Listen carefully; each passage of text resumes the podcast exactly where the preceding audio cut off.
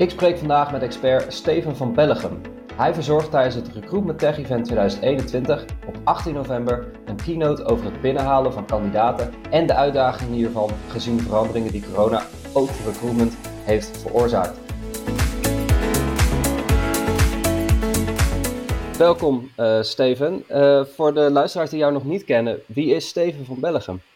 Dag, uh, dag Erwin en bedankt om mij uit te nodigen voor de, voor de podcast. Uh, ja, Steven van Bellegem. Uh, ik ben iemand die zich dagelijks bezighoudt met, met research te doen over hoe ver, verwachtingen van klanten evolueren en hoe technologie daar een, een rol in speelt. En ik doe dat nu al meer dan, dan 20 jaar. Eerst heb ik dat gedaan vanuit een eh, business school in België, daarna um, vanuit de research agency, Insights Consulting. En nu de voorbije negen jaar doe ik dat vanuit mijn eigen uh, bedrijf en ons bedrijf Nextworks. Uh, Nextworks is een inspiratiebureau die ik opgericht heb. En mijn, mijn passie is eigenlijk ideeën verzamelen en creëren rond die customer experience en die dan delen op zoveel mogelijk platformen. Ik heb uh, vijf boeken geschreven erover. Ik, heb, ik deel heel veel op mijn YouTube-kanaal, Instagram, LinkedIn en uiteraard ook het geven van heel veel lezingen. Ik heb voorbij acht jaar ongeveer 1200 lezingen gegeven in meer dan 45 landen. Dus dat is eigenlijk de hoofdactiviteit die ik zelf, uh, die ik zelf doe. Daarnaast investeer ik in een aantal bedrijven die bezig zijn met uh, customer experience en technologie. En um, geef ik nog altijd les als part-time marketing professor aan de Vlerik Business School en aan de London Business School. Gaaf. En uh, het laatste boek dat je hebt geschreven, dat was een offer you can't refuse, als ik het goed heb. Ja, dat heb je helemaal goed. Kan je, daar, je me daar iets over vertellen? Tuurlijk. Uh, The Offer You Can't Refuse is een, is een boek dat eigenlijk nadenkt van goed, hoe gaat de wereld verder evolueren en op welke dimensies kunnen wij het verschil maken naar onze klanten toe. En als je dan kijkt wat, wat de minimumvoorwaarden zijn vandaag, dan is dat uiteraard een goed product en een goede dienst aan een correcte prijs hebben. Dat zal altijd een minimumvoorwaarde, zolang dat zaken doen is, is uh, ontstaan. Um, maar het blijft belangrijk. Maar nu, zeker door COVID en de grote digitale sprong voorwaarts die we gemaakt hebben, is ook digitaal gebruiksgemak eigenlijk een minimumvoorwaarde geworden. We, we leven vandaag in een wereld, ik noem dat een wereld met zero tolerance for digital inconvenience.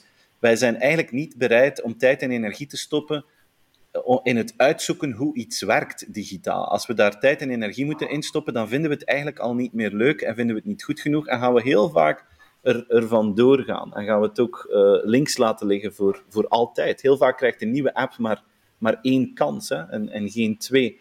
Dus die digital convenience is een minimumvoorwaarde. Terwijl dat, dat de voorbije tien jaar in de wereld een belangrijk onderdeel geweest is om je te differentiëren ten opzichte van uh, klanten. Zo zijn de Ubers en de Amazons en Netflix sterk gegroeid. Maar vandaag vinden we dat normaal. Dus dan komt de vraag, en die heb ik proberen beantwoorden in het, in boek The Offer You Can't Refuse. Dan komt de vraag van wat zijn verwachtingen die verder gaan dan puur gebruiksgemak, dan puur die transactionele perfectie. En daar speel ik met twee dimensies. Aan de ene kant um, een partner-in-life filosofie, waarmee ik bedoel dat je echt gaat kijken naar de mens achter de klant. En probeert te begrijpen wat, welke dromen en ambities en angsten en hopen dat die mensen hebben. En daar zo gevat mogelijk op inspelen door een bredere dienstverlening aan te bieden, die eigenlijk meer emotioneel geladen zal zijn dan puur transactioneel geladen. Dan, als, als bank gaat het hem niet over de beste mobile banking app krijgen, maar het gaat er om wie kan mensen geruststellen dat ze een, een goede oude dag zullen hebben met, met, hun, uh, met hun spaarcenten en met hun vermogen. Als je in executive search zit, dan gaat het misschien niet over de juiste kandidaat vinden, maar dan gaat het over een bepaalde bedrijfscultuur meehelpen vormen bij een klant, een, leadershipcultuur helpen vormen bij een klant. Dat gaat veel dieper dan die ene transactionele ja, daad dat je dan, dan doet. Dat is die partner in life. En de tweede dimensie die het verschil meer en meer maakt, dat is waarde toevoegen aan de maatschappij.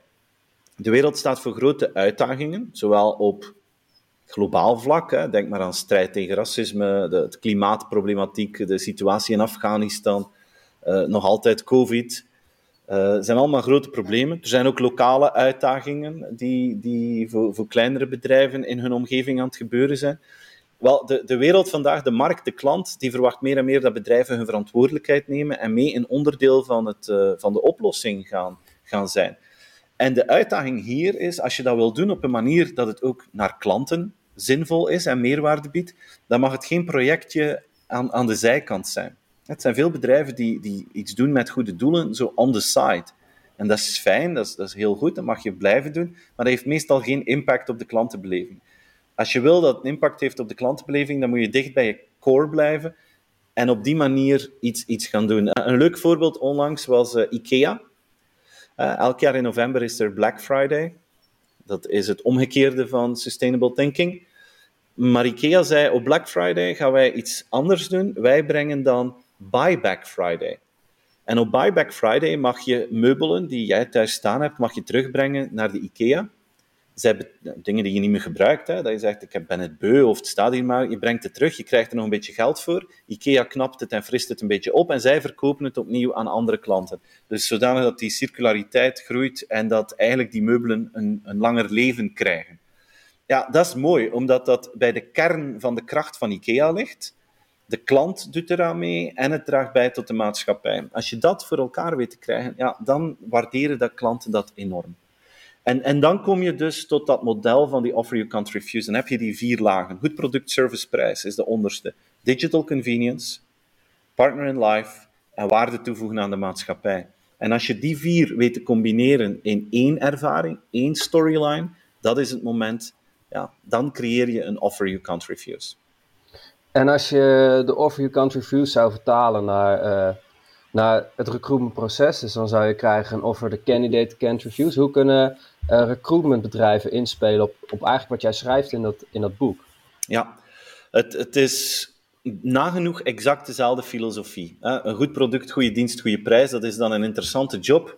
Uh, met een correct verloningspakket. Ja, anders speel je uiteraard niet meer mee. Digital convenience. Het moet onwaarschijnlijk makkelijk zijn om je kandidatuur te stellen, om de juiste, ja, uh, ik zal zeggen, jobs te vinden, dat die search heel makkelijk is, dat die gepersonaliseerd is. En als je dan wil reageren, dat dat uh, geen half uur duurt, maar dat dat even makkelijk gaat als voor het eerst Amazon Prime member worden, bij wijze van spreken.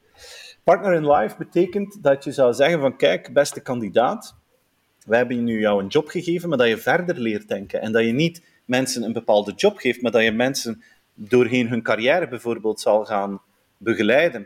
En dat je daarbij zegt van kijk, dit is nu de eerste keer dat wij samenwerken, maar er, er komen nog stappen, er komen nog vragen in jouw carrière.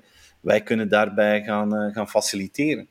En impact op de wereld hebben, dan zou je kunnen zeggen als recruitmentbedrijf van kijk, wij gaan, kun je dubbel gaan, gaan denken. Hè? Je zou kunnen zeggen van naar de klanten toe, wij gaan een soort ethical check doen voor te kijken als die mensen de correcte values hebben, uh, niet enkel qua bedrijfscultuur, maar ook gewoon qua positie in de wereld, of dat die passen bij, bij de ethical norms van de dag.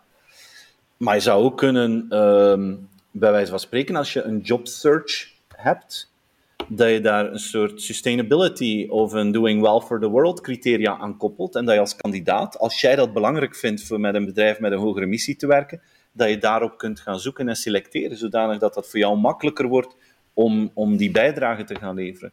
Dus op, op die manier kan je ook op elk van die niveaus gaan, gaan nadenken hoe dat speelt. En uh, voor een, een candidate experience is volgens mij op dat vlak bijna net hetzelfde als een customer experience.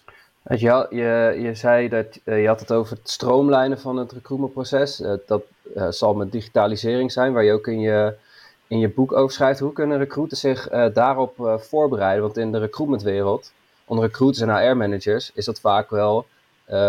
ze willen wel de, de dingen als cv ordenen, digitaliseren, maar het contact met kandidaten bijvoorbeeld, dat willen ze allemaal nog zelf doen. Hoe zie jij dat voor je, dat stukje authenticiteit? Gaat dat dan niet daarmee verloren als je het gaat digitaliseren? Of kan dat ook naast elkaar leven? Uh, voor mij kan het, het, menselijke en het digitale perfect naast elkaar leven.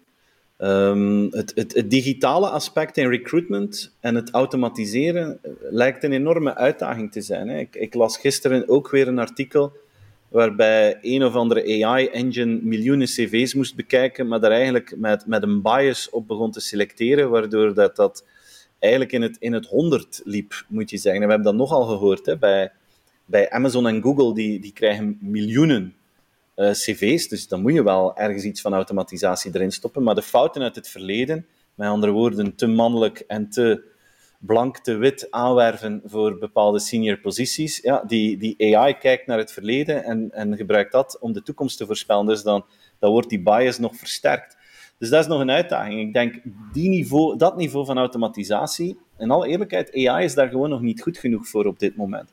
Als we dan kijken naar de toekomst, ja, dan gaat dat een ander paar mouwen zijn en dan zal dat wel perfect gaan, uh, gaan kunnen. Dus die automatisatie is vandaag in mijn ogen nog niet goed genoeg, maar, maar komt er vroeg of laat wel. Dat komt wel in orde. Uh, het menselijke aspect blijft cruciaal. En daar natuurlijk kun je op twee manieren gaan werken. Je kan face-to-face zitten, je kan via een scherm dingen gaan, uh, gaan doen. Maar ik denk die, die human connectie, die human click, dat blijft altijd belangrijk. Um, en, en het is zelfs zo, hoe, hoe schaarser het menselijke wordt in een bepaalde sector, hoe waardevoller het ook gaat worden. Hè. Als je nu kijkt naar de voorbije 18 maanden met COVID, ja, dan, dan is het menselijke aspect misschien schaarser dan ooit. En net daardoor is het ook waardevoller dan, dan ooit. Wat wel belangrijk gaat zijn volgens mij, is dat je dan gaat kijken van goed, welke skills hebben we, moeten we inzetten in dat menselijk contact.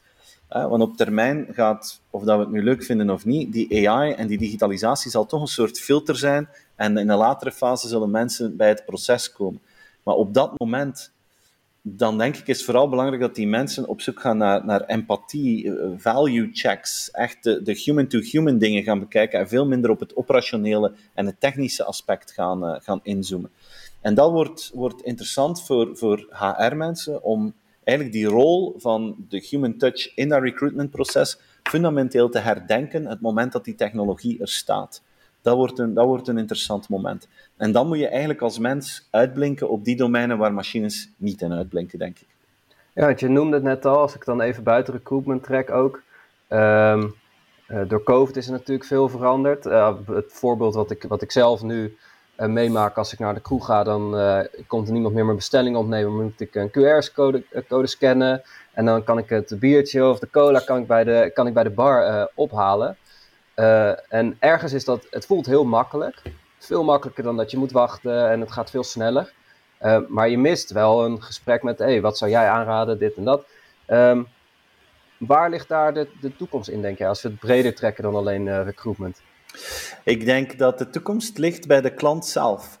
En dat, dat je altijd een stuk de flexibiliteit moet aanbieden aan, uh, aan mensen. Want misschien in 99% van, of in 95% van de, van de gevallen zit jij met je vrienden in de kroeg en hebben jullie de time of your life en wil je gewoon nog een nieuw rondje biertjes en dan scan je, komen ze en hoef je niks te doen en het gesprek... Het is niemand die het gesprek moet verlaten om een kwartier te staan uh, aanschuiven, bijvoorbeeld. Op dat moment ga je die QR-code super vinden. Maar stel dat je naar een nieuwe plek gaat en je bent maar met twee en je, en je zit daar en je denkt van, goh, wat zou, uh, ik ben wel op zoek naar iets nieuws. Ja, dan is dat human aspect belangrijk. Maar ik denk niet dat je als bedrijf kunt beslissen, het moet altijd A of B zijn. Ik denk dat we het in handen van de klant moeten leggen. Ik denk dat we verschillende mogelijkheden moeten aanbieden en de klant daarin de vrijheid van, van keuze geven en ons als organisatie daar ook op instellen. Ik hoorde gisteren een verhaal ik was met een bedrijf een, uh, een, workshop aan het doen rond customer experience en we waren daar ook over aan het praten. En die hadden plots, um, om fricties bij klanten te vermijden, rond contract tekenen en zo, zijn ze beginnen werken met DocuSign. Waardoor je gewoon klik, klik, klik, in plaats van uitprinten, tekenen, inscannen, e-mailen. Dus DocuSign is veel en veel handiger. Ik ben er zelf ook grote fan van en ik doe dat ook veel liever. Maar 5% van hun klanten vond dat vreselijk en die printen het nog altijd uit en die sturen het nog altijd door. En dan zei dat bedrijf, ja, beste klant, dat mag niet. Voortaan, we hebben nu DocuSign geïnstalleerd, voortaan moet het via DocuSign.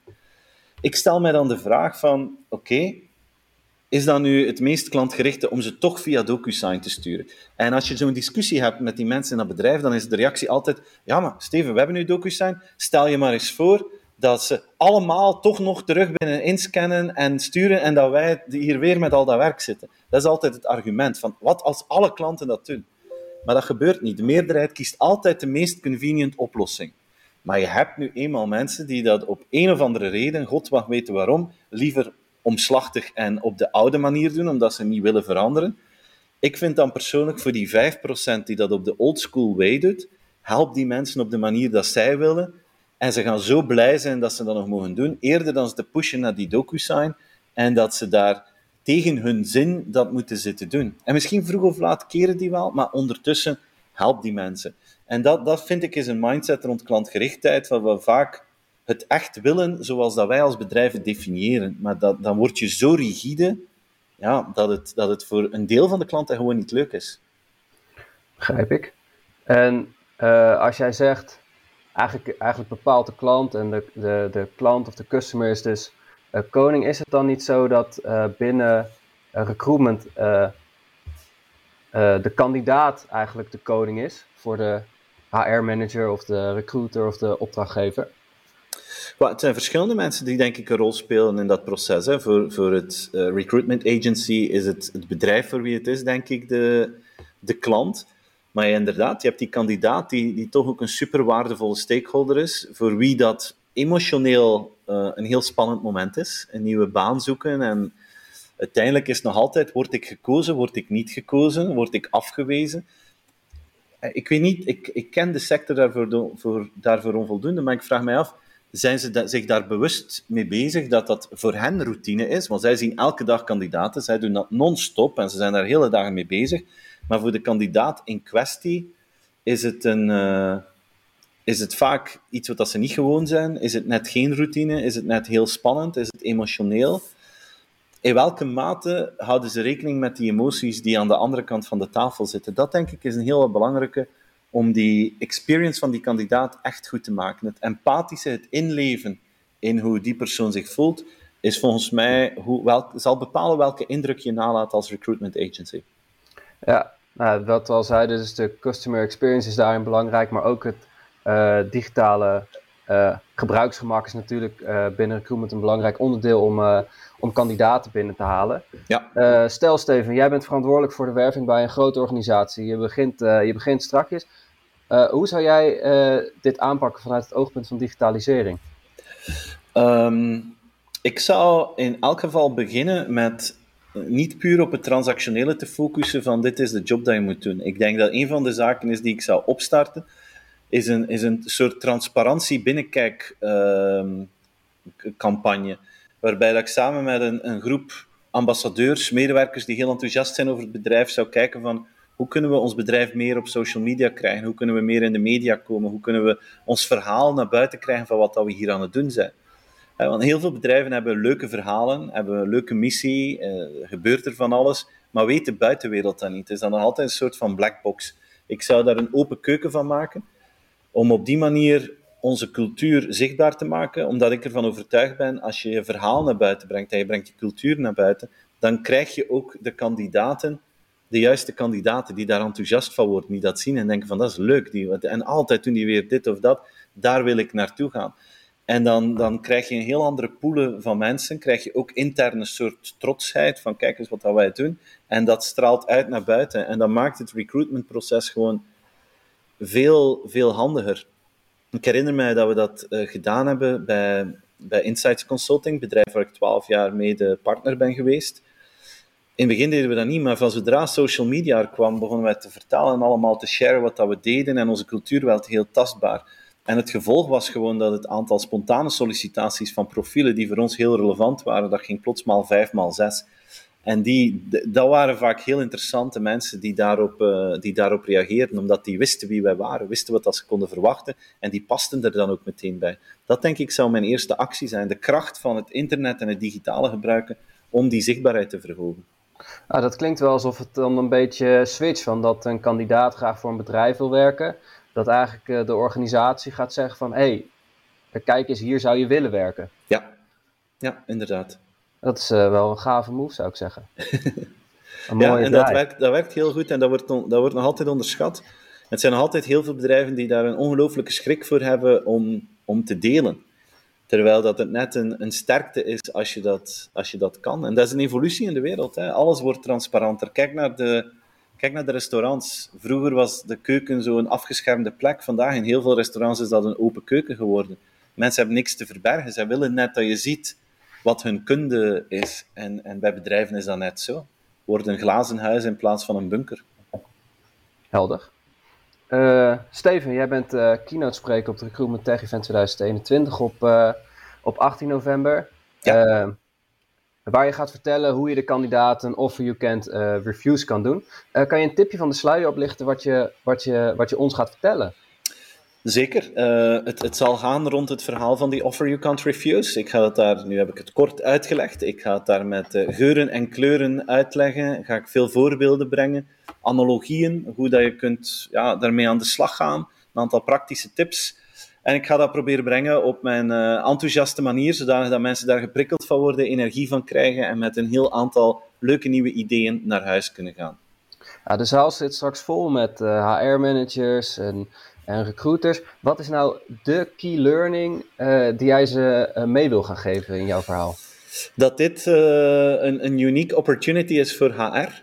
Ik hoop dat de HR-mensen niet, HR niet kwaad zullen zijn op mij als ik zeg dat ze de voorbije jaren te conservatief geweest zijn in, in hun beleid. Er is te veel focus op transactionele geweest, op policies, op van allerlei ja, zaken die, die niet strategisch genoeg zijn, wat mij betreft als je kijkt hoe, hoe de, de marketing community de data omarmd heeft, mobile omarmd heeft, nieuwe filosofieën, die, die purpose veel meer omarmd heeft. Ik denk dat dat de versnelling is die HR nog moet maken. En dit is het moment om het te doen. Hè? Want als je, als je nu eens terugkijkt naar wat COVID echt heeft gedaan, Erwin. In maart 2020 is er niet enkele virus gekomen, maar zijn alle routines uit ons leven gestopt. Daarvoor hadden wij routine, onze job, onze hobby's, kinderen misschien. Dat, dat, dat draaide. En plots van de een op de andere dag is dat gestopt. En hadden we geen routine meer. En vandaag hebben we nog altijd geen routine. Hè? Toen dat wij hier een voorgesprekje aan het houden waren, was nog altijd wat mag er in Nederland, wat mag er in België. We weten het om de duur niet meer. We hebben nog geen routine. Hetzelfde op HR-vlak. Dus gaan mensen thuiswerken? Gaan mensen remote? Uh, gaan, gaan ze naar het kantoor moeten komen? alleen al op dat vlak zijn er zoveel interessante discussies op dit moment. En er is nog geen nieuwe routine. Dat betekent dat je vandaag als HR-manager een nieuwe routine kunt vormgeven. En mijn oproep is, bekijk dat vanuit het standpunt van de medewerker. En bijvoorbeeld een discussie van, we gaan twee dagen thuis, drie dagen uh, op het werk. Eigenlijk is dat een nutteloze discussie, want dan praat je over dagen indelen. Het gaat erom om hoe, hoe, hoe kan dat leven bij, klanten, eh, bij, bij medewerkers? Wat vinden zij belangrijk? Op, waar kun je waarde toevoegen aan mensen hun leven en hoe link je dat terug naar het bedrijf? Om dit naar een strategischer niveau te tillen en dit te doen echt vanuit het standpunt van de medewerker en zo zelf die nieuwe routine in te vullen en daar een voorloper te zijn, dat is een opportuniteit die nooit meer gaat terugkomen. Dit is een once-in-a-lifetime window of opportunity die we hebben om het verschil te gaan maken.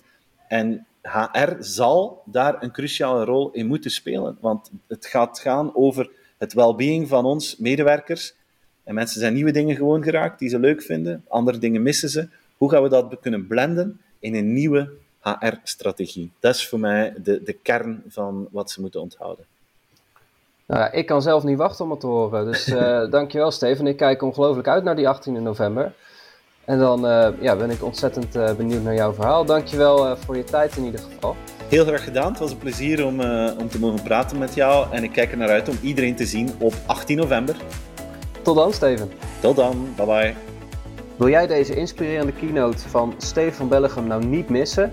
Meld je dan gauw aan voor het Recruitment Tech Event 2021 via recruitmenttech.nl/event.